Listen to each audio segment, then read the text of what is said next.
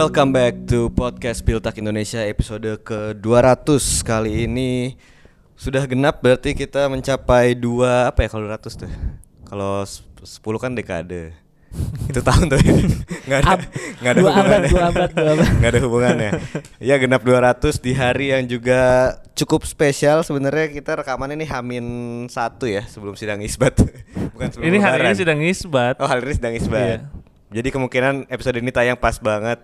Eh mungkin Malam takbiran. malam takbiran, mungkin atau- juga setelah sidang isbat kita naikkan tergantung mood editor. Jadi seperti biasa kali ini sudah menjelang akhir-akhir puasa dan juga suasana lebaran sudah agak santai nih jalanan udah sepi. Eh kali ini bersama gue Gerhan dan juga ada dua penggawa spirtak lainnya ada siapa aja di sini? Ada gua Reza. Ada Adrian.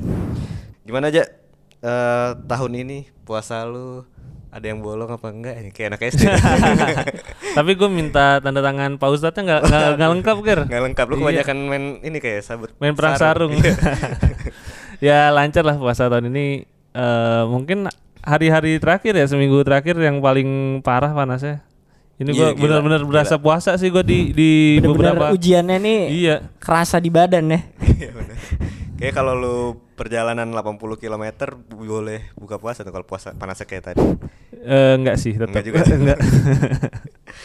kalau iya sih tapi menurut gue ini eh, bulan puasa yang bagi gue pribadi sangat mudah untuk dijalani karena gue kerja malam mulu kan jadi bangun pasti jam 1 lu eh, puasa tinggal 4 jam 5 jam easy Jadi banget. tidak berasa seperti Tidak puasa berasa ya. Kalau lu gimana, Dri? Aduh, sebenarnya ada ada bolongnya sih. Waduh, karena apa tuh? ya karena ada satu dan lain hal lah. Musafir, Cuma- musafir. musafir. Cuman eh, ya gue ngerasanya justru puasa ini puasa tahun ini kayak paling berat deh kayaknya karena faktor cuaca terus eh, mungkin membiasakan bangun pagi kerja gitu ya kayak masih Mhm. belum biasa Iya karena kan sih. kalau sekolah kan kayak dari jam 7 sampai jam 12 gitu cuma lima jam bisa lu bisa tidur kan kalau kerja kan banyak eh, beban kerjaan tapi harus tetap puasa. Jadi me membikin balance dua hal itu agak ma- agak sulit lah sebenarnya. Tapi ya so far oke lah tahun ini. Apalagi kalau kerja tuh menghadapi jam-jam setelah zuhur dan udah gak ada nah kerjaan. itu dia bener. Itu ngantuknya itu luar biasa. parah sih. Gue paling berat yang kemarin tenis meja sih itu dari jam 2 ke jam 6 Iya, itu lagi Kan Itu- kerjaan gue ngomong. Iya. Ngomong aja terus tuh ya, haus-hausnya. berapa jam Lagi tuh ya. haus-hausnya tuh. Tapi lu kan juga main bola juga jam 4. Nah itu lebih parah sih, itu lebih berat sih itu jam 4 ke jam 6 yang sama box to box tuh. Karena jam 4 nya masih terang itu masih ada Iya, matahari. iya, iya. Tapi lebaran gimana? Lu pada balik apa enggak nih? Kayak enggak balik masih di sini nih buktinya. gue mudik tapi hari H sih Oh iya iya. iya. Gua hari H lebaran kerja. baru Sama lu kan? Ya sama kita. Mudiknya ke ini sobat Sensi. kerja nih ya di hari raya Gue udah ya. dua tahun berarti Hmm, hari gua- lebaran kerja tuh. Iya sih gue emang gak ke mana-mana juga sih gue Jakarta-Jakarta aja. Jadi beres eh sholat id, makan-makan, zuhur, setelah zuhur udah tidur siang biasa tidur mana itu Udah gabut jadi mending gak apa-apa lah kerja gue seneng-seneng aja sih daripada gabut-gabutan. Dan ya kayaknya juga ini menjadi bulan puasa yang sangat sulit bagi fans Bayern Munchen. Banyak cobaannya banyak ya. cobaan karena kan ini pas banget ya si Julian Nagelsmann tuh dipecat kayak baru-baru puasa pas belum puasa Iya, ya? pas sahur eh, pas itu sahur gue tuh inget hari banget. kayak hari ketujuh hari keenam gitu kan pas sahur Nagelsmann dipecat tiba-tiba ya yang datang Thomas Tuchel dan kita sudah melihat hasilnya bagaimana tadi malam sudah fix Bayern Munchen kehilangan asa untuk double winner bahkan treble winner aja sudah mustahil double winner jadi semakin bukan semakin lagi udah nggak ada kesempatan lagi dan satu-satunya hanya mungkin Bundesliga doang. Hanya Bundesliga dan lawan Bayern Munchen semalam juga eh lawan Bayern Munchen lawan Manchester City semalam juga eh tidak terlalu memuaskan tidak memuaskan bahkan hanya memuas- bah- hanya dapat hasil seri dari penalti itu juga gol Kimmich dan ya jadi episode kali ini kita seperti biasa masih akan ada latest update dari Dari eh, jalur Pantura ya. dari jalur Pantura udah ada yang udah terhubung kita dengan reporter di Cikampek. ya kita di episode ini di segmen satu bakal ngebahas tentang Bayern Munchen yang baru juara Liga Champions, kemudian juga Borussia Dortmund yang gagal meng- menyamai ya poin Iya. dari Bayern di Bundesliga serta Hertha Berlin yang memecat pelatihnya dan mengganti dengan eh, muka lama. Iya. Valverde balik untuk ketiga kalinya. Ini gini terus ya, dejavu terus nih. Hertha Berlin kayak udah tiga kali ya. Valdarda itu ngangkat. Iya Itu udah udah periode ketiga. udah Periode ketiga gila. Walaupun yang nggak nyambung terus. Karena nggak bisa kalau nyambung terus. ya Kalau nggak nyambung, kalau ketiga. kalau nyambung terus kan Oh nggak jadi iya, satu, jadi Iya. tiga periode, jadi satu periode doang kayak Christian Streich kan. Bukan presiden ya soalnya nggak bisa. Dan di segmen kedua kita bakal membahas sedikit mengenai yang lagi rame juga tapi bukan di Bundesliga nih, tapi di dua Bundesliga apa sih Zweite. Zweite. Zweite. Bundesliga di mana persaingan untuk menuju promosi sudah semakin menuju garis finish. Setidaknya sih kalau gue lihat-lihat di klasemen udah ada lima klub nih yang masih berpeluang untuk promosi dan juga playoff promosi. Dan ya nanti itu kita bakal lebih bahas setelah kita membahas eh pertandingan semalam dulu kali ya. Bayern Munchen melawan Manchester City di Allianz Arena. Ya rekor kandangnya Bayern Munchen di UCL eh, musim ini tidak terganggu lah ya. Masih 5 lima menang, satu seri dan masih unbeaten tapi sayangnya memang udah tersingkir karena secara agregat 4-1 lawan Manchester City gitu kan. Ini tim yang memang dari kalau dari drawing kita lihat ini tim yang paling sulit lah salah satu tim paling sulit di eh quarter final kemarin. Dan kalau lu ngeliatnya gimana aja di pertandingan leg kedua kemarin apakah ada improvement yang dibawa Thomas Tuchel dibandingkan leg pertama nih? Eh secara general ada improvement ya karena gue lihat Tuchel datang dengan sebuah strategi yang menurut gue cukup baik di mana memang dia tahu kalau dengan 3-2 4-1 nya City ini bola nggak boleh leluasa dipegang sama John Stones dan juga Rodri ya. Dan ini kalau kita lihat di babak yang pertama pressernya Bayern bagus banget. Mereka selalu menang second ball mereka selalu menang duel. Goretzka, Musiala, Kimmich benar-benar bisa nutup ruang-ruang umpan ke Kevin De Bruyne dan Bernardo Silva biar nggak terlalu banyak. Bahkan kalau kita cermati tuh di babak pertama Jack Grealish hampir nggak dapat peluang buat megang bola kan. Beda banget sama di leg yang pertama. Terus mereka juga main di transisi, mereka punya dua sayap yang cepat, Leroy Sané sama Kingsley Coman. Menurut gue itu dua, dua pemain terbaik Bayern kemarin. Tetapi memang yang jadi masalah utama tetap di finishing ya. Ini bukan hanya perkara striker gitu, Erik Masim Choupo-Moting yang udah dicoba dan memang juga nggak terlalu fit kalau gue lihat.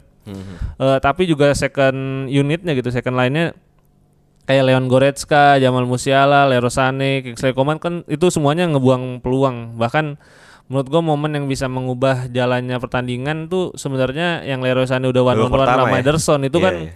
menurut gua peluang terbaik dan juga peluang termudah yang sebenarnya dimiliki oleh Bayern Munchen di pertandingan ini sayangnya memang bolanya masih melebar dan setelah pertandingan pun Leroy Sané, Joshua Kimmich terus bilang semuanya ke media ketika pre-match apa post match conference gue pengen tahu gimana jalannya pertandingan kalau Bayern bisa unggul dulu 1-0 tapi kan ini hanya berandai-andai gitu Mhm, Iya gue lihat tuh quotesnya.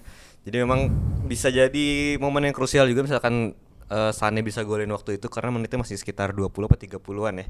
Dan ber- berarti tinggal mengejar dua defisit gol gitu. Kalau lu apakah setuju Dri kalau memang secara problem finishing masih yang menjadi masalah dan juga lagi-lagi kita lihat pertandingan semalam juga Upamecano lagi-lagi yang bikin jadi kebobolan yang mana Erling Haaland eh, mencetak gol dari eh, setelah Upamecano kepleset.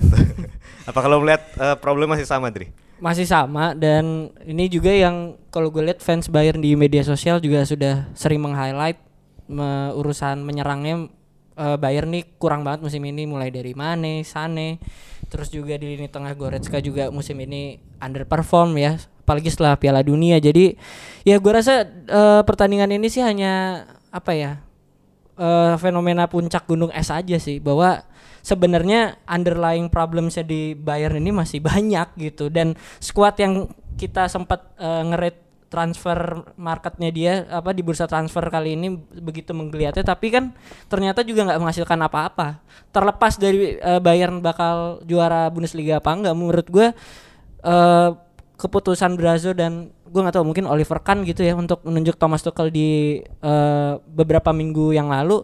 Ini bakal jadi keputusan terburuk mungkin dalam sejarah Bayern karena pondasi yang udah dibikin Nagelsmann sebenarnya masih ya ibaratnya treble masih bisa didapetin semua gitu dan menghancurkan segalanya demi Thomas Tuchel yang mungkin eh, misalnya Nagelsmann dipecat padahal kan masih bisa di musim panas tuh masih bisa diambil gitu loh Thomas Tuchel. Jadi menyia-nyiakan eh, apa eh, gambling meng-hire pelatih yang sebenarnya pelatih utama lu sendiri nggak ada masalah gitu loh. Jadi masalah pelatih ada, masalah pemain ada, masalah menyerang ada dan tadi udah lu bahas Upamecano di dua leg ini benar-benar parahnya udah kebangetan udah kayak kuli Bali nih dia mainnya. Padahal ini udah pemain senior. Jadi kelihatan seberapa buruknya Bayern itu ya bakal dihukum terus oleh Manchester City. Bahkan Bernardo Silva bilang Erling Haaland nih kayak nggak kelihatan main 80 menit, tapi sekalinya dia dapat bola udah pasti gol. Jadi ya ketika kualitas tim lawan lu seperti itu ya ya Bayern sudah nggak nggak punya kesempatan menurut gua walaupun misalkan bisa mencetak gol di awal. Tapi sedikit fun fact nih, Dri. Eh sama Nagelsmann musim ini 37 pertandingan atau 30 Iya, pertandingan gitu. 37 kalau nggak salah. 37 cuman tiga kali kalah. Nah, itu dia. Augsburg, Gladbach, Leverkusen. Sama Tuchel 6 pertandingan hampir tiga kali kalah semalam.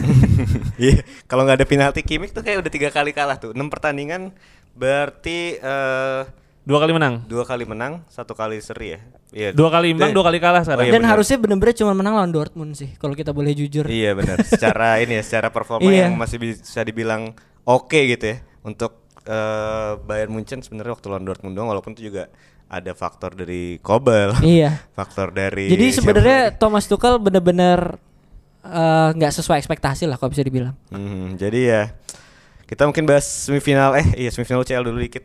Berarti yang lolos ada Manchester City Ketemu terus Madrid. Ketemu Madrid. Terus Derby Milan ya? Derby Milan di eh, bagian sebelahnya. Menurut siapa aja yang bakal ke final ya? Madrid. Madrid. Madrid Dan ketemu Milan kayak. Nah, setuju. Sudah pasti Milan soalnya kan. Kayaknya AC Milan mungkin ya. Eh karena Inter lawan Monza aja kalah kemarin. Iya, iya. Ah, tapi Serie A Tapi Inter- juga susah diprediksi sih. Gue lihat eh, fans-fans eh, di Twitter gitu ya Inter, kalau dia fansnya tuh pada yakin dengan Simone Inzaghi kalau dia lagi di kompetisi tuh dia mainnya bagus. Tapi Menyong sih itu Oh iya, jadi pembeda sih. faktor sendiri ya, faktor X. Kalau yang sebenarnya susah diprediksi sebenarnya Madrid lawan City sih. Ya. Kalau lu siapa tadi? Gue tetap ah, lebih baik Real Madrid aja lah. Gue juga main Madrid. Biar Pep nggak pernah juara lebih UCL lebih ke personal sih ini. Iya. Karena City ngeluarin duit banyak mulu biar sekali-sekali nggak usah menang UCL gitu. Ya kayak Biar sama dihukum. kita kayak ngeliat Paris kan sebenarnya kayak Iya, benar, benar, biar nggak uang memenangkan segalanya gitu seakan-akan Hmm. ya walaupun pada ujung-ujungnya sih nanti cepat atau lambat City bakal juara kayak Iya. Chelsea kan.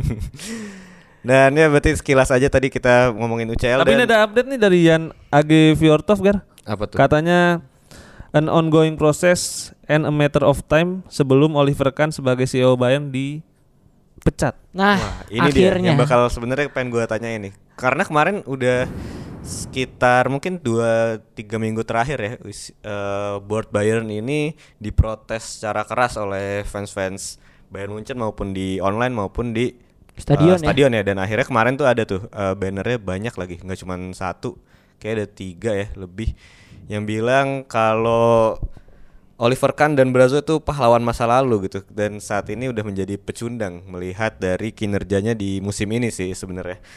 Dan ini mungkin bakal menjadi lebaran yang sulit bagi Bayern Munchen untuk memaafkan memaafkan dosa-dosa dari Oliver Kahn dan Brazo. Itu Kalau menurut lu apa dosa terbesar dari eh, Oliver Kahn dan Brazo di musim ini? eh dosa terbesar di musim ini ya mecat Julian Nagelsmann gitu karena ya lu cuma kalah tiga kali sepanjang musim loh dan masih ada di tiga kompetisi. Menurut gua kalau dia kalah di DFB Pokal atau kalah di Champions League salah Di satunya awal lah dipecat. ya misalnya gitu ya. dipecat ya. wajar kalau misalnya dia abis kalah lawan City ini abis atau abis kalah lawan Freiburg saat itu dipecat menurut gua wajar tapi kalau lu masih ada di tiga kompetisi dan masih bisa menang tiga tiganya tuh dipecat menurut gua sesuatu yang sangat buruk tapi dosa terbesar kalau sepanjang di Bayern kalau nggak cuma musim ini menurut gua sih nggak bisa mempertahankan Hansi Flick sih itu Hmm. menurut gua salah satu kesalahan terbesar karena kalau kita lihat setelah itu memang Bayern performa terus menurun walaupun dengan skuad yang terus meningkat gitu maksud gua lu kenapa Nah, iya, ribut sama Hansi sih. Flick karena Hansi kan Hansi Flick menuntut datangnya banyak pemain baru lu nggak setuju dengan itu Hansi Flick cabut tapi setelah itu lu ngerekrut banyak pemain bagus gitu seperti yang diinginkan oleh Hansi Flick kan artinya lu bisa gitu memenuhi Cuman apa yang karena Hansi Flick mungkin gitu. intrik sama Hansi Flick ini nggak bisa diselesaikan secara kekeluargaan mungkin ya. Iya, karena kan eh, rumornya memang personal antara Hansi Flick dan Brazo nih, ada yang ketidaksukaan dan kita tahu Hansi Flick eh, juga orangnya mungkin agak keras kepala juga gitu. Dan mungkin selain itu ada apa lagi ya, kesalahan Bayern ya tidak bisa menggantikan Lewandowski. Nah itu Lewandowski gua dan Thiago sih menurut musim ini Thiago, kerasa iya banget. Menurut ya. gue Thiago udah tiga musim dua musim nggak nggak ada yang benar-benar bisa gantiin karena semakin ke sini justru duetnya Kim sama Goretzka menurut gue banyak problem sih. Sebenarnya gua ngeliat Kimmich sih masih salah satu yang paling konsisten. ya. Goretzka Enggak, tapi, tapi sih ya. duet duetnya tuh nggak saling melengkapi kalau gue lihat. Kalau gue lihat sebenarnya mungkin secara kompetitif di lini gelandang itu mereka merasa aman sih. Karena udah terbukti dari zaman Hansi Flick, Nagelsmann walaupun datang Sabitzer, datang Gravenberg, datang siapa lagi gelandang tengahnya? eh Si ini Paul Warner lah itu. Enggak kan itu siapa? kan. Yang dari dari Gladbach. Yang Eh, kidal. Kuisans. Kuis. Kuisans. sebelum ini sebelum Hansi Flick. Iya maksudnya dia merasa kalau memang spot itu tuh udah ter- terjamin buat dia. Jadi ketika mau main seburuk apa pun Ya kayak Trent Arnold lah iya ya kasusnya gitu nih. dan dan pelatih pun nggak berani untuk ganti dari zaman Nagelsmann padahal kita tahu Nagelsmann punya anak sayangan ya Sabitzer tapi ketika uh, Sabitzer masuk pun nggak bisa ngeganti Goretzka. Gravenberg ini masih 18 tahun eh 19 tahun. Bahkan sampai udah dia ngomong ke media Udah bahwa ngambek ya. udah ngambek tetap aja nggak dikasih kesempatan gitu. Kalau menurut lu uh, yang mana Dri? Dosa terbesar. Uh, apakah mungkin uh, apalagi satu lagi? Oh mencat Nagelsmann. Uh, nggak nggak ganti Lewandowski sama mencat Hansi Flick atau ada lagi menurut lu? Kalau gua eh, ya karena gua selalu ngomongin Bayern masalah menyerangnya, gua menurut gua Lewandowski sih. Karena seburuk apa pun coachnya Bayern menurut gua kalau ada apa ya pemain sekali Lewandowski yang hanya butuh satu dua sentuhan untuk mencetak gol itu kan sangat mengurangi beban tim gitu loh Ger. Dan beban pelatihnya juga. Jadi gua rasa nggak mendatangkan eh, striker yang setidaknya satu level di bawah Lewandowski itu menurut gue ini crime against humanity juga nih untuk uh, Borte Bayern. Karena seperti PD sekali dengan uh, Leroy Sané dan Serge Gnabry yang kita tahu di beberapa musim terakhir juga performanya udah naik turun sedangkan tim seke- sekelas Bayern nggak bisa punya pemain yang uh, masa mencetak golnya naik turun apalagi setelah uh, Lewandowski memutuskan untuk pergi gitu. Jadi dua dosa terbesarnya dilakukan di satu tahun eh di satu musim yang sama, Ger. Jadi memang kalau ada uh, berita Oliver Kahn bakal diganti, gua rasa ini momen yang pas untuk ganti Oliver Kahn gitu. Mhm. Tapi- Mungkin uh, Salih juga sih. Iya Harus ya, karena ditinjau memang- ulang juga. Dan sebenarnya yang dikritikan ada tiga ya Herbert Hainer satu lagi Nah, presidennya itu juga sih. Sama itu juga yang kemarin di nggak di bench lagi tuh Nepo Nepo. Oh iya Marco Nepe ya.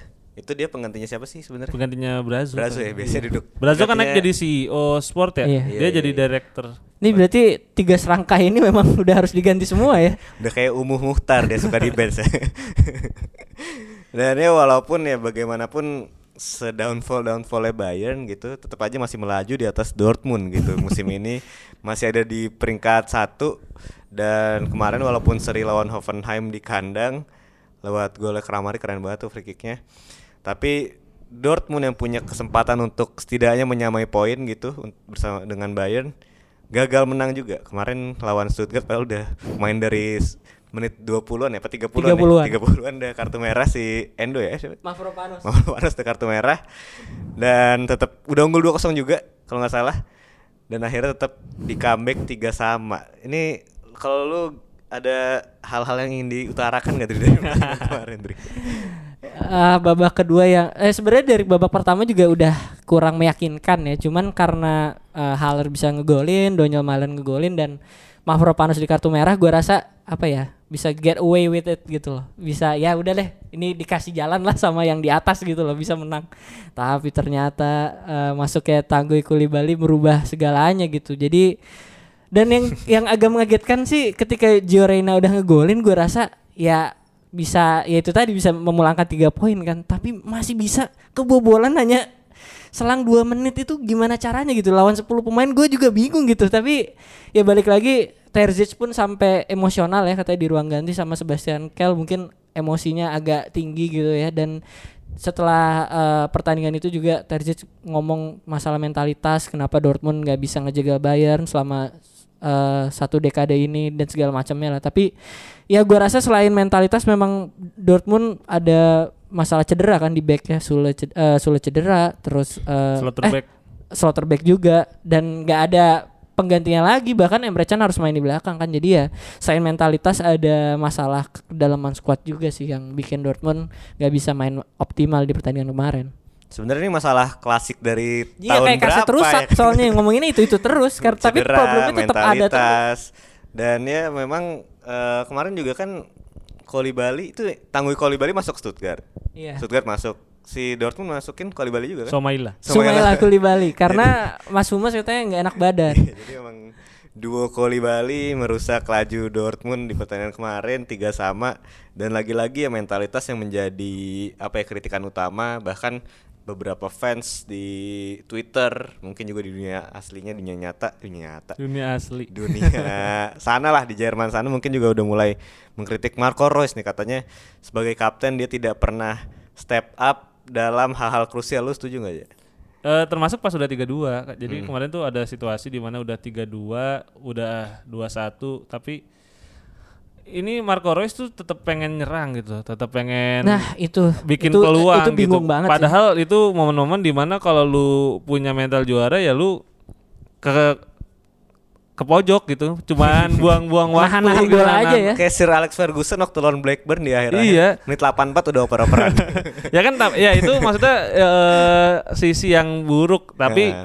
itu Tapi sisi itu yang lu butuhkan nggak salah gitu untuk untuk bisa gitu. untuk bisa jadi juara bahkan kalau lu lihat Ederson tuh semalam babak pertama udah dapat kartu kuning karena ngulur-ngulur waktu. Jadi Hmm. memang ya mentalitas yang kayak gitu yang dibutuhin buat jadi juara nggak selamanya main indah doang gitu. Jadi ya Marco Reus nggak punya itu ternyata di laga lawan Stuttgart dan memang mentality yang paling bermasalah lah di tim Dortmund saat ini.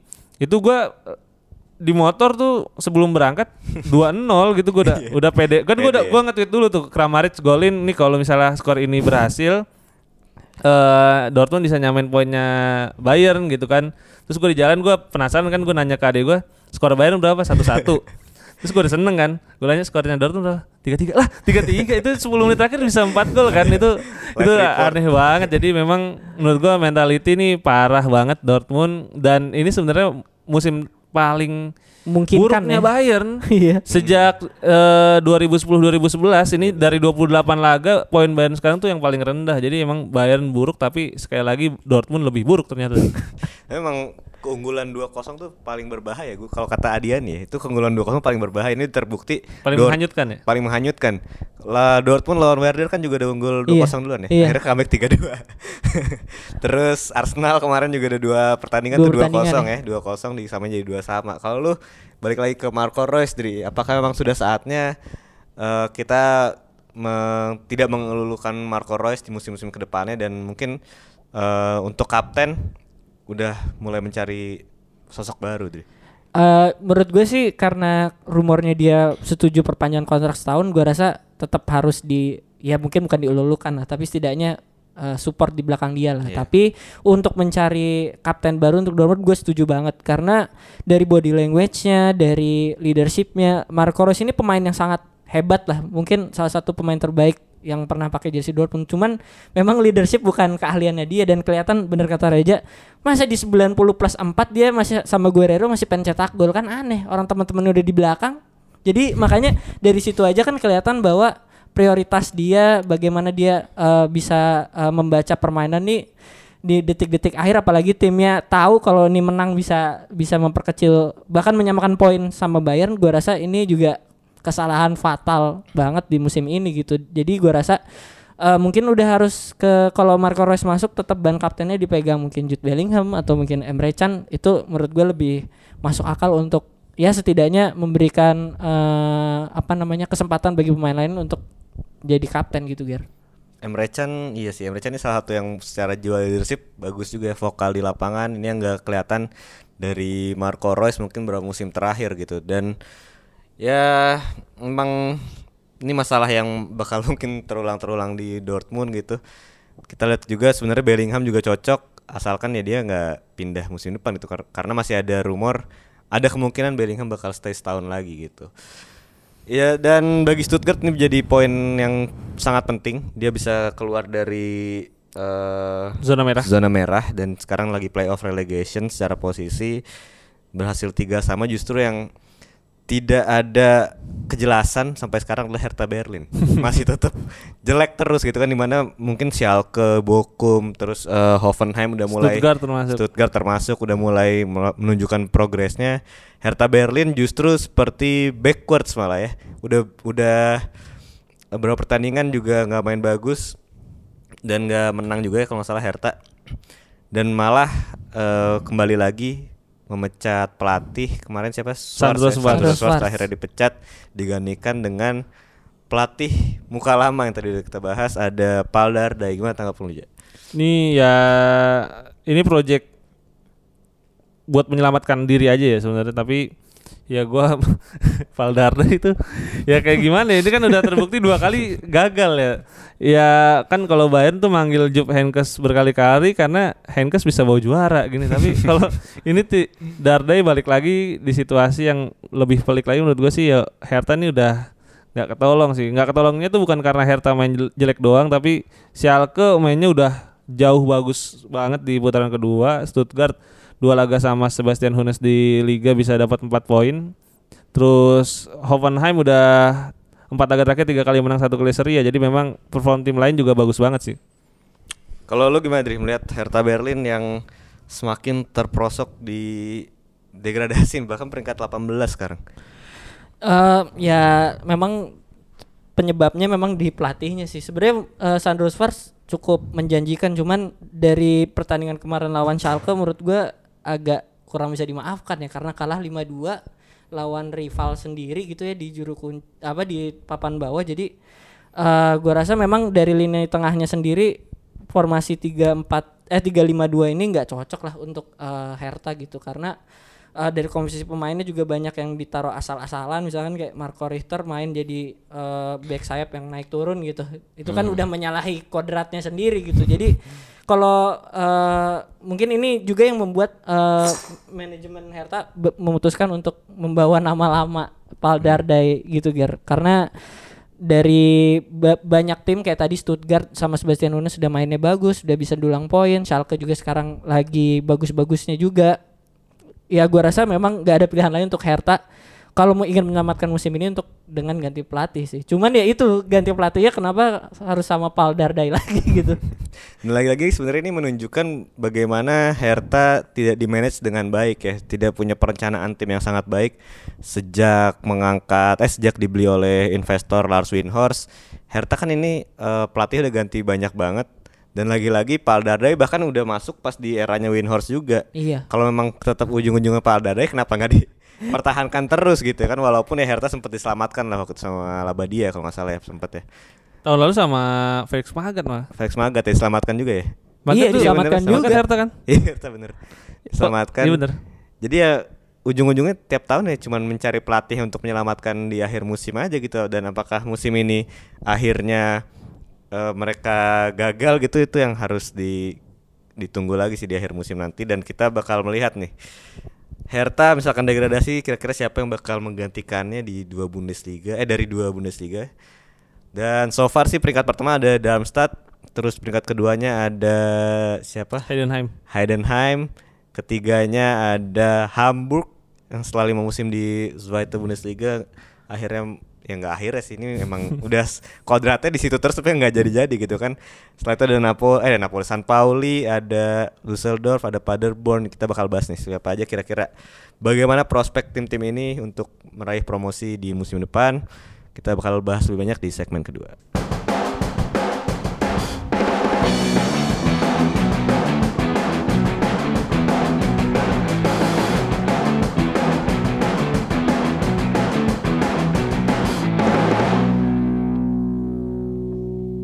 Enam laga tersisa di Zweite Bundesliga dan persaingan semakin panas. Ada kurang lebih enam tim yang sebenarnya masih berpeluang untuk bisa lolos ke Bundesliga. Walaupun kali ini kita nggak akan bahas semua. Kita akan bahas tim-tim yang kita rasa ini punya peluang cukup besar untuk bisa promosi dan bagaimana peluangnya sejauh ini. Jadi mungkin kita baca klasemen dulu kali ya. Boleh, boleh. Di peringkat pertama ada Darmstadt dengan 58 poin, peringkat kedua ada Heidenheim dengan 54 poin, Hamburg SV dengan 53 poin di peringkat ketiga, Fortuna Düsseldorf peringkat keempat dengan 47 poin sama dengan Sang Pauli yang ada di peringkat kelima. Di peringkat keenam ada Paderborn dengan 46 poin dan di peringkat ketujuh ada Kaiserslautern dengan 43 poin. Mungkin Kaiserslautern dan Paderborn lah ya bisa kita kesampingkan dengan keadaan mereka sekarang ya walaupun kalau kita bahas Bundesliga 2 nih nggak bisa ditebak ya Iya, sementara sangat ini ya. sulit ditebak. Ini aja hitungannya masih ban- panjang banget Iya. ini. I- Even menurut gua ini. Kaiserslautern pun bisa aja tiba-tiba 6 laga tersisa tuh menang semua dan tiba-tiba ke atas Iya gitu. benar. Ini kan yang terjadi dengan Schalke musim lalu ya di pekan ke-28 tuh dia masih di luar top 5. Iya. Begitu ganti pelatih, 6 pertandingan terakhir dia langsung naik bahkan juara akhirnya. Karena ya Gramozis ya? Gramozis dipecat ya? Gramozis dipecat habis Oh, pelatihnya interim sampai akhir ya? Iya, interim sampai akhir juara malah dipecat. Eh bukan Gramozis siapa sih? Gramozis dipecat. Bekas ya Gramozis dipecat. Pelatihnya tuh yang Pelatihnya interim itu. sampai akhir. Legendnya Iya dan, siapa? dan Siapa emang lupa gak diperpanjang kan? Iya nggak diperpanjang. Jadi mungkin kita bahas dari peringkat pertama dulu ini ada Darmstadt. Ini tim yang mungkin lu siapa Ger? Pemain yang paling lu ingat kalau Darmstadt? Darmstadt gua aduh siapa ya? Gue ingetnya pelatihnya doang pernah dilatih Thorsten Frings walaupun bentar. Ada strikernya tuh Gua Sandro Darmstadt. Wagner. Oh iya Sandro Wagner ya. Kalau lu siapa Dri? Eh, Frings terus Lieberknecht kan. Sekarang pelatihnya Thorsten Lieberknecht itu kan terkenal lah. Pemainnya dulu pas di Kalau pemainnya ingat? itu eh backnya Rusia sekarang Konstantin Raus. Oh dulu. iya bener. Ini kan Esser ya, Esser Michael Esser bener. Esser Terus Do- Daniel Hoyer Fernandes sekarang karena karena Hamburg. sebenarnya Darmstadt tuh tidak terlalu lama ya. Nggak terlalu lama, bener. Dia 2017 apa 16 ya masih di masih Bundesliga masih. ya. Jadi Walaupun jelek banget. iya. itu, itu parah sih emang. Tapi se- memang Darmstadt tuh dari musim lalu sebenarnya udah ada di papan atas. Kalau kita ingat tuh musim lalu dia ada di peringkat keempat, hanya kalah selisih gol dibandingkan dengan Hamburg yang lolos ke playoff promosi. Jadi memang ini lagi-lagi menandakan progres. Memang di Zweite Bundesliga ini sangat penting. Darmstadt saat ini menurut gua ada di posisi yang sangat Kayaknya udah aman besar gitu nih, ya. Buat bisa Hmm. lolos ke eh, Bundesliga. Kalau lu ngeliat gimana peluang mereka sejauh ini? Sebenarnya Darmstadt ini tim yang udah bermusim-musim ya, udah sangat konsisten di dua Bundesliga, cuma memang unlucky dengan pesaing-pesaingnya dan juga sering terpleset di eh, akhir-akhir musim juga kayak Hamburg gitu kan. Kemarin musim lalu dia sempat udah lumayan sering dia salah satu tim yang paling banyak menghabiskan waktu di top 2 tuh padahal sepanjang musim, tapi akhirnya juga Werder tiba-tiba pelatihnya si siapa? Oleh Werner bagus, terus juga Schalke juga pelatihnya Tiba-tiba bagus, semua tiba-tiba itu ya. bagus gitu kan. Jadi memang mungkin secara eh kita tahu lah Werder dan Schalke kan musim lalu secara tim memang di atas kertas kualitasnya di atas eh, tim-tim Zweite Bundesliga gitu. Darmstadt. Ya dengan pemain seadanya eh, udah bisa survive tuh menurut gue bagus. Seperti Heidenheim lah sebenarnya Darmstadt ini secara permainan eh secara pemain gitu. Dan musim ini eh, diuntungkan mungkin secara persaingan tidak ada tim yang lebih baik daripada tim-tim lainnya gitu secara kualitas pemain ya menurut gua. Dan Darmstadt musim ini lebih improve di defensif karena secara defense dia salah menjadi yang terbaik dengan 23 kebobolan walaupun di sisi yang lain Darmstadt ini nggak punya pencetak gol ulung gitu kan. Musim lalu sebenarnya dia ada si Pfeiffer dan Iya. Philip Tits yang sekarang eh, Pfeiffer ke Stuttgart. Tits masih berada di sana cuman ya nggak ada yang masuk bursa top skor bahkan. Dia cuma golin 43 kebobolan 23 jadi kan ini sangat dikit gitu golin 43 untuk tim pemuncak klasemen. Tapi memang seperti yang kita udah tahu lah kalau memang defense ini salah satu yang sangat penting untuk lu jadi juara gitu kan. Secara pertandingan juga Darmstadt menangnya pun cuma 2-1 1-0 gitu. Jadi eh secara permainan mungkin Darmstadt bukan tim yang paling menarik untuk disaksikan di dua Bundesliga ya. Tapi secara hasil ya itu yang paling penting. Dan ini sebenarnya agak em, meragukan juga sih kalau misalkan pindah ke Bundesliga gitu eh, promosi ke Bundesliga dengan skuad seadanya keuangan seadanya.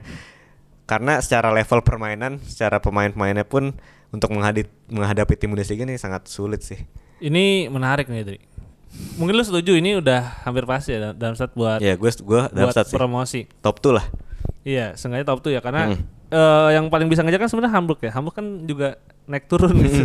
Jadi nggak bisa diharapin juga. Tapi take dari Gerhan tadi Dri, katanya dengan gaya main defensif nih kalau lolos ke Bundesliga akan sulit buat survive. Apakah, apakah lu setuju dengan apa yang diutarakan oleh Gerhan tadi?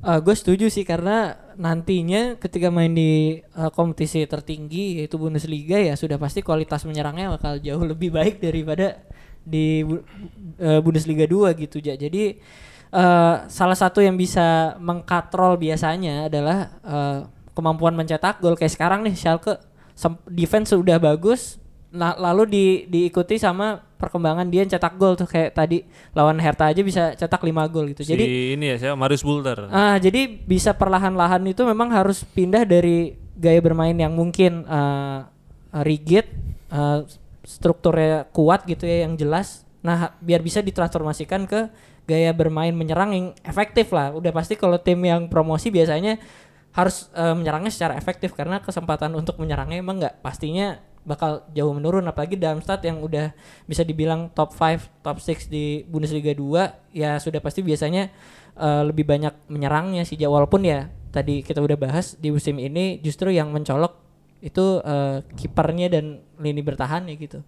Ini gue sebenarnya agak nggak setuju nih sama lu berdua. Menurut gue justru tim kayak dalam saat ini punya peluang yang lebih besar buat Survive. survive dibandingkan tim yang di Bundesliga 2-nya Gacor main ya. main menyerang. Kan kalau kita di Premier League tuh Bournemouth ya. Bournemouth tuh musim lalu di Championship tuh benar-benar nguasain ball possession gede, tapi sekarang ball possessionnya paling rendah di Premier League karena memang untuk bisa main attack lagi di Premier League atau di Bundesliga itu lebih susah dibandingkan kalau dia main dengan defense lagi. Karena kalau kita lihat di beberapa musim terakhir Union Berlin approach-nya sama Yeah. gitu kan.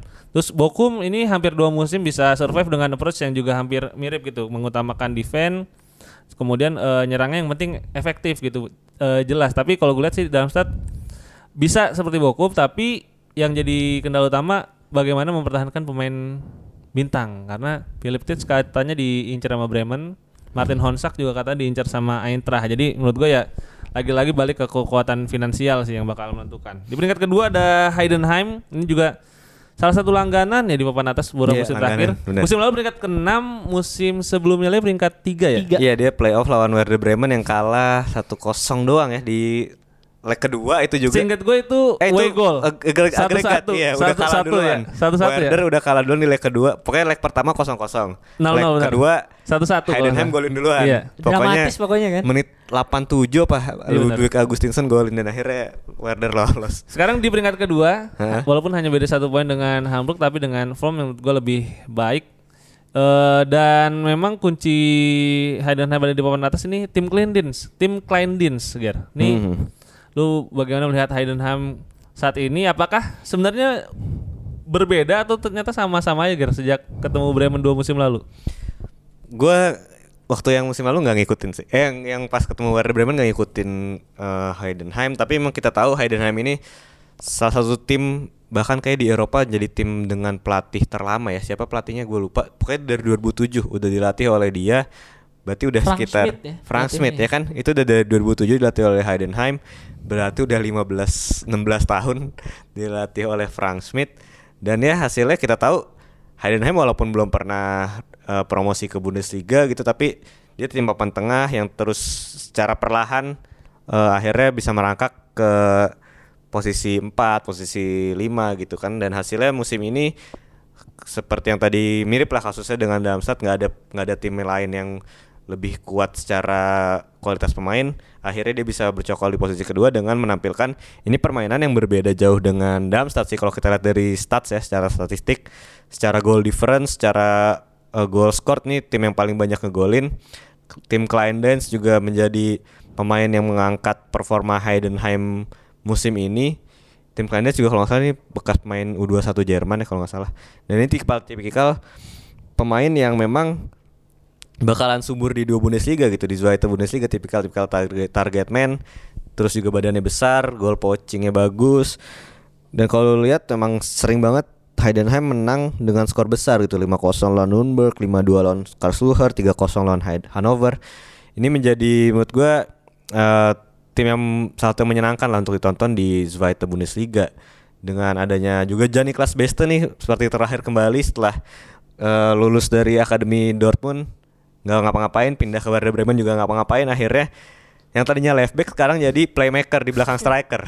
Ini jadi salah satu yang paling as- paling banyak asis juga di eh, Bundesliga 2 dengan 10 asis gitu. Jadi ini menjadi apa ya duet yang seperti inilah. Musim lalu Darmstadt ada Philip Tits dan Luka Pfeiffer. Nah musim ini eh, atau Marvin Dux dengan Niklas Fulkrug nah ini mungkin bisa menjadi breakthrough kedua pemain ini untuk di Bundesliga musim depan misalkan eh, lolos. Tapi gue eh, optimis sih kalau Heidenheim bisa lolos karena secara pertemuan di fixture berikutnya juga lawannya bisa dibilang di atas kertas lebih gampang. Eh cuman tinggal menyisakan mungkin ada Kiel dan Paderborn doang yang sulit. Sisanya Furt, Magdeburg, Sandhausen dan Regensburg ini di atas kertas bisa menang lah. Eh, gua baru ngecek lagi nih ternyata di 2020 tuh dua dua dua. dua sama skornya. ya? Iya, Bremen golin dulu menit 3 tapi sempat disamain menit 86, Agustinson cetak gol menit 94, Kleindins menit 97 cetak gol lagi 2-2. Jadi seru tuh sebenarnya. oh dan iya gitu ya. oh iya bener dan eh, Iya, salah sa- dramatis salah ya. satu hal yang membuat Heidenheim musim lalu tuh nggak naik lagi kan gitu udah peringkat tiga tuh nggak naik lagi karena Niklas Dors dan juga tim Kleindins pindah Hmm. oh ke iya Gen. iya iya Ya kan? Eh, dua-duanya tuh gagal tuh di Gen tuh. Si Dors udah balik ke Augsburg, si Kleindiensnya balik lagi ke Heidenheim. Jadi memang ini penting banget ya detail-detail kayak gini dan tim Kleindienst pun katanya kalau Heidenheim nggak promosi, dia bakal cabut gitu. Jadi memang ini sebenarnya bukan hanya penting buat Heidenheim promosi ya karena secara finansial pun ini membuat mereka bisa mempertahankan banyak pemain kunci. Dri. Tapi seberapa berpengaruh sih Dri, ini pelatih yang udah sejak 2007 menangani Heidenheim buat mereka bisa lolos ke Bundesliga? Ah, gua rasa ini adalah kesempatan terbesar eh, Heidenheim untuk masuk ke Bundesliga ya karena dari selisih poin sudah ya setidaknya di peringkat tiga seharusnya sih bisa mereka amankan. Terus juga mereka punya eh, salah satu pema dua salah dua pemain terbaik yaitu Tim Kleindienst yang sekarang jadi top skor ya Bundesliga 2 dengan 21 gol terus juga Jan Niklas Beste nih emang mengagetkan sih bisa 10 assist walaupun tadinya sempat gak ngapa-ngapain kata Geran tuh ya. Jadi dua pemain ini setidaknya udah jadi modal awal Heidenheim untuk setidaknya bisa bermain konsisten di sisa laga Bundesliga 2 gitu ya. Dan eh, di lini belakangnya sendiri ada nama Vorenbach, ada nama Marlon Busch itu juga nama-nama lama. Dan ditambah lagi pelatihnya juga sudah mengenal Heidenheim luar dan dalamnya. Gua rasa eh bisa yang paling positifnya itu adalah ini sih mengenal eh, konsistensi taktik, gaya bermain, terus juga karena di Heidenheim sendiri banyak pemain yang setidaknya sudah bermain 3 4 musim jadi ini kombinasi yang memang dibutuhkan untuk suatu tim ini promosi gitu. Pemain-pemain barunya bagus, pemain lamanya juga bisa jadi leader di timnya ditambah dengan eh, taktik-taktik yang sudah dipahami karena Frank Schmidt sendiri sudah lama di Heidenheim. Jadi gua rasa justru tim yang paling besar kemungkinannya untuk lolos memang di eh, Heidenheim gitu dari mencetak golnya dia oke bertahannya juga relatif bagus jadi kombinasi-kombinasi itu yang gua rasa udah membuat Heidenheim jadi eh, salah satu calon tim Bundesliga lah gitu Next nih ada sang dinosaurus Hamburger SV ini musim kelima ya Ger? Musim Di kelima. divisi kedua. Dia degradasikan 2017 degradasi bareng, 18. bareng Stuttgart kan? Stuttgart Iya, bareng ya. Itu Stuttgart. Stuttgart udah naik, Langsung turun naik. lagi turun kan? lagi Naik Iya, lagi ya sih? naik lagi. Ya kan? Iya. Bener gak sih? Dia semusim doang Stuttgart tuh. Dia Iya. dilatih sama Oh ini. iya benar-benar. Pelatihnya Werder yang kena kasus Covid siapa? ini eh, Anfang Anfang. Naik turun lagi kan? Iya. Terus Matarazzo bawa naik lagi kan? Iya. Terus ditinggal lagi sama Werder, Schalke udah sama turun naik lagi. Iya. Ini masih ada Hamburg tuh di di divisi kedua. Walaupun memang secara transfer market ya ini market value-nya Hamburg SV tuh selalu yang tertinggi Hmm. di Zweite Bundesliga. Tapi menurut lu kenapa nih Ger? Dia nggak bisa promosi dan masalahnya kembali terulang tahun ini. Kita ingat di Rukrunde ada di dua besar, tapi saat ini ada di peringkat ketiga dan dari lima pertandingan terakhir pun hanya punya lima poin. Hamburg ini sebenarnya musim ini secara squad komplit sih. Menurut gue dari sisi back dari penyerangan Robert Glazel bisa berhasil dipertahankan. Karena kan kita tahu Robert Glazel ini udah bagus dari musim lalu juga ya bersama siapa? Bersama Hamburg ini. Cuman masalahnya dari beberapa pertandingan terakhir adalah pertahanan ini yang sering jadi kritik dari para fans Hamburg di mana sebenarnya sangat sulit musim ini karena Mario Vuskovic salah satu back terbaik di Zweite Bundesliga Bahkan menurut gue back terbaik di itu Bundesliga. Bahkan kabarnya juga dia diincar oleh Jurgen Klopp dan dimonitor sama scout Liverpool gitu.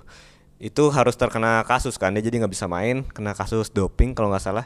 Dan ini yang menjadi dia udah main 16 mu- kali musim ini tapi eh, habis itu kena kasus dan ya hasilnya secara pertahanan Hamburg menurun musim ini walaupun secara penyerangan bagus dan ya kita tahu eh, Hamburg ini sering banget eh, bottling juga dia di menit-menit akhir kebobolan gol-gol nggak penting kayak musim lalu kan eh, beberapa kali tuh kayak gitu juga. Dan ya Hamburg secara mentalitas mungkin ada ada hal yang salah di situ secara mentalitas. Karena ini udah lima musim dia jadi salah satu tim yang paling konsisten juga di papan atas tapi selalu bottling di akhir musim gitu. Dan benar udah di akhir musim gitu di tiga pertandingan terakhir empat pertandingan terakhir. Bahkan musim lalu sebenarnya kan dia udah masuk ke relegation playoff gitu lawan Hertha dan kalahnya cuman karena kipernya out of position aja pas lagi free kick gitu free kick Plattenhardt jadi eh Hamburg ini tim yang unlucky sih menurut gue aja. Tapi musim ini lagi-lagi eh harus berjuang sampai akhir musim juga karena secara pertandingan Hamburg ini masih bakal ketemu San Pauli juga ya di di pekan selanjutnya terus masih ketemu Paderborn juga Jadi itu kunci sih. kuncinya sebenarnya Hamburg Derby itu Hamburg, iya. kunci sih menurut gua karena itu bakal nga, bakal ngaruh ke mentalitas Iya, juga karena kan. itu eh, six pointer kan. Iya, Kalau itu menang, dia bisa jadi beda jauh. Beda 9. Beda 9 dengan San Pauli. Seenggaknya Iya. saat masih Seenggaknya bisa ke playoff udah aman lah ya. Mm, walaupun masih ada Düsseldorf di Iya. sana. Tapi ya gue sih mungkin lebih PD Heidenheim dan Darmstadt Hamburg tetap di relegation di promosi ini sih menurut gue. Kalau lu lihat Ri, ini Hamburg kalau secara kualitas ya udah nggak usah diraguin lah nama-namanya nama-nama yang menurut gua layak banget main di Hmm. Bundesliga gitu. Koenigswalder si Right ya Ludovic Reis ini kan Ludovic Reis dari Barcelona kan dari itu. Barcelona dia. Tahun lalu tapi degradasi kan dia di- timnya Osnabrück apa ya? Iya. Kalau nggak salah ya. Heeh. Terus ada si Koenigsdorfer Reboa. Ada Laszlo Benes iya. juga. Lah Laszlo Benes kan itu maksudnya kualitas-kualitas yang udah Bundesliga tapi selalu tertatih-tatih. Tapi lu melihat musim ini apakah akhirnya Hamburg bisa balik dari? eh gua rasa mungkin nggak langsung otomatis masuk ya, mungkin di peringkat tiga karena itu tadi sebenarnya di awal musim aja Hamburg tuh sempat be- beda jauh lah Iya, sama pesaing-pesaingnya kan. kan. Hmm. Tapi ya seperti kita tahu Hamburg punya masalah mentalitas juga nih kayaknya mirip-mirip Dortmund juga ya. Jadi lama-lama gapnya terkikis bahkan Sang Pauli aja tiba-tiba bisa tinggal beda 6 poin padahal awalnya bisa bedanya udah hampir 15 poinan ke Tapi atas San gitu. Pauli 10 9 menang berturut-turut Iya kan sih, dia. cuman maksudnya adalah sebenarnya momentumnya itu selalu ada di Hamburg gitu Ja. benar. Tapi entah kenapa mereka nggak pernah bisa untuk memanfaatkan momentum tersebut. Jadi gua rasa kalau musim ini di mana mereka beda du- sama Düsseldorf dan Sang Pauli ini 6 poin yang ya mungkin 50% mereka harusnya bisa lah meng- peluangnya mengamankan di peringkat 3. Tapi kalau nggak eh, musim ini juga nggak bisa berhasil ke Bundesliga, gua rasa ada ada yang salah dengan entah itu eh, coaching staffnya, entah itu pelatihnya. Karena ya benar kata lu dari segi pemain nih sebenarnya ini pemain di Bundesliga lawan Schalke aja nih mungkin masih bagusan Hamburg gitu. Lawan Ada- Bochum ya masih bisa iya, jadi ya. ada Katterbach, ada tadi Ludovic Reis, Kittel, ada Benes, ada Robert Glatzel, ada juga Xavier Ameici, kipernya Daniel Hoyer Fernandes yang senior. Jadi gua rasa komposisi pemain udah nggak ada yang salah sih, tinggal bagaimana eh, siapa nama pelatihnya si Tim, Tim Walter, Walter. ini bisa setidaknya bermain pragmatis lah kalau lawan-lawan yang berat memang harus mencari pem- eh, mencari poin kan gitu loh. Karena masih ketemu Sang Pauli. kan. Benar. Ada Sang Pauli dan juga Fortuna Düsseldorf ini yang masih memantau kondisi di atasnya. Beda 6 poin sama Hamburg SV tapi sekali lagi ada six pointer ini yang bisa bikin bukan hanya Sang Pauli tapi Düsseldorf juga memangkas jarak jadi tinggal 3 poin dengan Hamburg dengan 4 laga tersisa nantinya ya. Eh 5 Lima, 5 lima laga. tersisa. Kalau lihat Ger, Düsseldorf sama Sang Pauli, siapa yang punya kans lebih besar untuk bisa naik ke atas? Ini sulit ya karena ini dua tim yang mengandalkan momentum juga ya. Sa- eh, San Pauli lagi bagus, cuman ya akhirnya kemarin berhasil eh, dikalahkan Itu juga sayang banget lawan. Braunschweig ya. Padahal ini kan kalau dia menang aja dia bisa Beda cuma tiga. tiga poin, beda tiga poin dengan Hamburg dan datang ke derby Hamburg dengan semangat yang motivasi berlebih gitu. Jadi bisa men- kalau menang bisa jadi sama poinnya. Cuman ya sebenarnya ini gua nggak ngelihat San Pauli dan Düsseldorf punya apa ya kapasitas dan secara kualitas bisa me- wala- walaupun lolos di relegation eh, promosi gitu ya promosi playoff pun menurut gua nggak bisa bersaing dengan tim Bundesliga sih tapi ya, yang jadi kunci sebenarnya bakal ada di pekan ke 32 32 itu ada San Pauli versus Düsseldorf jadi ini masih Saling bunuh ya. saling bunuh Dan yang kalah udah fix nggak bisa lolos ya. Iya, asalkan ya mereka konsisten dulu nih di tiga pertandingan selanjutnya. Jadi itu bakal seru sih menurut gue San Pauli dan Düsseldorf. Tapi gue sih secara komposisi pemain gue lebih condong ke Düsseldorf ya karena ya ini secara pemain gue eh, lebih banyak pemain yang kita kenal lah bisa dibilang ada eh Felix Klaus ya kan, terus ada David Konaki, Konaki. Daniel Ginczek, ada si Zimmerman, Kastenmeier juga bagus di waktu pas Düsseldorf tuh baru degradasi 2018 19 Iya, Kasten iya. Mayer itu. Iya Kastenmeier ya kan yang dia Luka Bakio. Iya. itu lagi benar. jago-jagonya. Jago-jagonya. Jadi menurut gue ini masih ada sisa-sisa lah eh, secara squad masih sangat capable untuk ya bersaing di papan atas di Zweite Bundesliga. Cuman ya kita nggak tahu sih kalau masuk Bundesliga menurut gue masih sangat sulit sih. Menurut gue secara squad justru lebih baik dibandingkan Heidenheim dan Darmstadt sih. Iya. Secara susunan squad Bisa dibilang gitu. khususnya lini depan ya kalau kita lihat Felix Klaus, Konachi, Ioha, Ginczek di cadangannya masih ada Robin Henning sama Komposisinya Sinta lengkap Ap- sih. Sinta Sinta Apelkamp kan ya. maksud gua secara komposisi ini lumayan bagus gitu. Pelatih tapi, juga Daniel Tio ini kan salah satu yang Benar. progresif juga nih. Tapi kalau lu sendiri Sang Pauli dan Düsseldorf apakah masih punya peluang buat lolos ke Bundesliga? Ah, gua rasa peluangnya kecil ya. Eh, mungkin di bawah 10% lah karena gapnya cukup jauh walaupun ya itu tadi ya banyak tim papan atas yang ber- yang ketemu.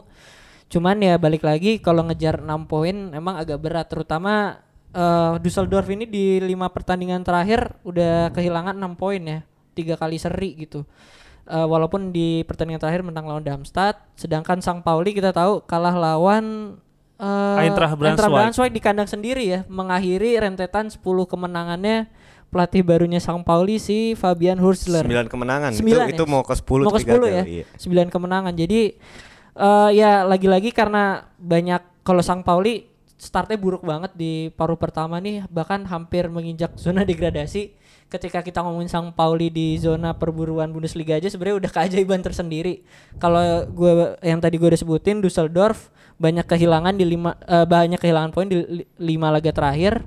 Jadi gua rasa bak tugas mereka berdua bakal lebih berat sih. Jadi gua gua ngerasa walaupun gua fansnya Sang Pauli ya, gua rasa tiga tim teratas yang tadi kita udah sebutin punya peluang yang jauh lebih besar dibandingkan yang bawah karena gapnya udah agak jauh gitu. Dibandingnya persaingan musim kemarin gitu. Oke, prediksi. Kalau lu Ger, dua tim yang lolos langsung, satu tim yang playoff siapa? Gue juara Heidenheim sih nggak tahu kenapa. Karena ini masih ada 6 laga tersisa, bedanya juga cuma 4 poin ya kalau nggak salah. Ntar gue cek dulu. 4 Iya, benar. poin, bener ya 4 poin ya. He, eh, Darmstadt 58, Heidenheim 54. Secara eh, fixtures Heidenheim lebih eh, mendukung lah. Gue Heidenheim, Darmstadt dan Hamburg sih gue. Hamburg playoff. Play Hamburg playoff. Kalau lu Dri? Eh gue ngerasa susunan 1 2 3-nya kurang lebih akan sama lah. Jadi gue tetap Heidenheim eh, peringkat 2, Hamburg 3 dan Darmstadt di yang akan nanti jadi juara gitu. Gue lihat Darmstadt juara.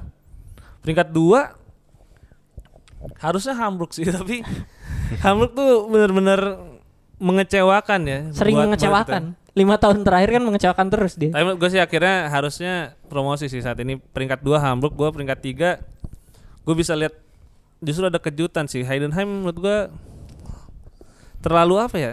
Dia bisa main 1-0, bisa main 5-4 gitu terlalu Terlalu terbuka. terbuka bukan terlalu terbuka sih maksudnya terlalu naik turun dan terlalu tidak bisa ditebak ya. Mungkin masih ada peluang lah buat eh Sang Pauli atau Düsseldorf ke atas tapi memang kayaknya sih tiga teratasnya nggak akan berubah. Jadi Heidenheim mungkin masih ada Paling di zona susunannya playoff. aja ya, Iya. tapi timnya sama aja sih. Gua sih pengennya ada akan ada kejutan sih. Iya, gue gue pengen sebenarnya Sang Pauli berada di posisi tiga sih. Dan sebenarnya yang krusial ya pertandingan besok ini sih. Iya Hamburg derby itu menurut gua Hamburg itu jangan sampai kalau kalau bisa ditonton tonton sih. Iya, dan kabarnya pun di YouTube free eh, Jumat 23.30 jadi malam takbiran bisa nonton bola ya kan. Eh, terus itu tapi harus pakai VPN karena di Sky Sport Deutschland Jerman ya? doang gitu. Jadi ya kita tunggu saja menjelang beberapa minggu sebelum penutupan Zweite Bundesliga, penutupan Bundesliga juga juara masih terbuka, degradasi masih terbuka. Dan ya eh semoga tidak ngejinx lah kita. Kalau prediksi suka ngejinx. Nggak tahu dalam saat keluar dari peringkat tiga gitu kan bisa aja. Eh paling gitu aja di episode kali ini. Eh, selamat hari raya Lebaran gitu. Mohon maaf lahir lahir dan batin. Ada tambahan lagi aja? Eh, di hari raya kita akan merayakan laga-laga istimewa tentunya Oh dari iya. Bundesliga. Ada Mainz lawan Bayern. Ini Mainz ini salah satu tim paling bagus di Hinrunde gitu. Jadi menurut gue ya Rukrunde. ujung-ujung di Rukrunde, Hinrunde. Ruk Rukrunde kedua. Rukrunde. Rukrunde. Menurut gue apa pun hasilnya walaupun Bayern menang tapi bakal seru sih match ini. Terus Hmm. ada Dortmund lawan Eintracht. Hmm. Sebelum Kamada pindah ke Westfalen. Westfalen apa Signal Iduna Park sih? Westfalen lah kalau supporter sejati ngomongnya Westfalen. Sponsornya marah. Oh iya. Signal Karena Iduna Signal Iduna Park nggak Signal pernah ngomongin. Signal Iduna bosnya marah karena si bo- si fansnya Dortmund tuh bikin koreo unsur apa gitu Iya, Westfalen. Westfalen. Karena emang gak ada yang ngomong Signal Iduna Park kalau Akam si sana. Iya benar benar benar. Ada tambahan lagi nggak, Dri? Kira-kira match apa yang harus ditonton weekend ini atau Gua rasa dua fokus? match dua match itu cukup bisa menggambarkan nanti Bayern atau Dortmund nih mengakhiri musim ini dengan bagaimana. lah. Minggunya ada Leverkusen Leipzig. Oh iya. Oh, itu juga seru tuh. Werder lawan siapa ya? Werder lawan Lawan Hertha. jam ini udah diomongin Sabtu. nanti ngejinx nih. Herta si, Werder. Si okay, Darda jago. Wah iya, ganti pelatihnya pas lawan Werder lagi. Werder lagi 6 match kalah dari 9 pertandingan terakhir, gila. Ini agak membahayakan juga ya, tapi ya udahlah kita tidak terlalu pressure uh, nikmati liburan lebaran ya kan jangan lupa silaturahmi gitu ya udah gue Gerhan pamit gue Reza pamit gue Adrian pamit sampai jumpa di episode Spiltak berikutnya bye